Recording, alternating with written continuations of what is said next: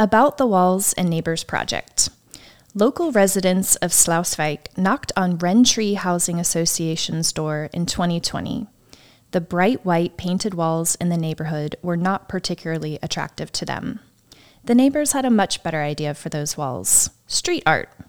Rentree approached Street Art Streets, the collective for street art in Deventer, and together with the neighborhood and several local art advocacy groups, they developed the amazing street art project Walls and Neighbors.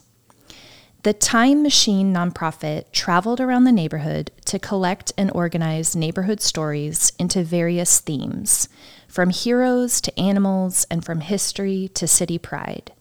These themes were then translated into murals by nationally and internationally renowned street artists. The murals can be seen around the Gooierstraat in Deventer. From there, you can easily walk from artwork to artwork.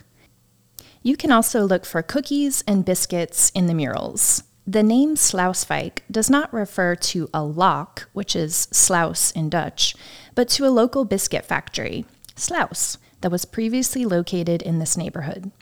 The artists have all included a biscuit or cookie somewhere in their murals. Can you find them?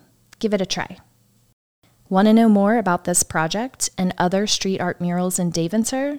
Then visit the website streetartstreets.nl.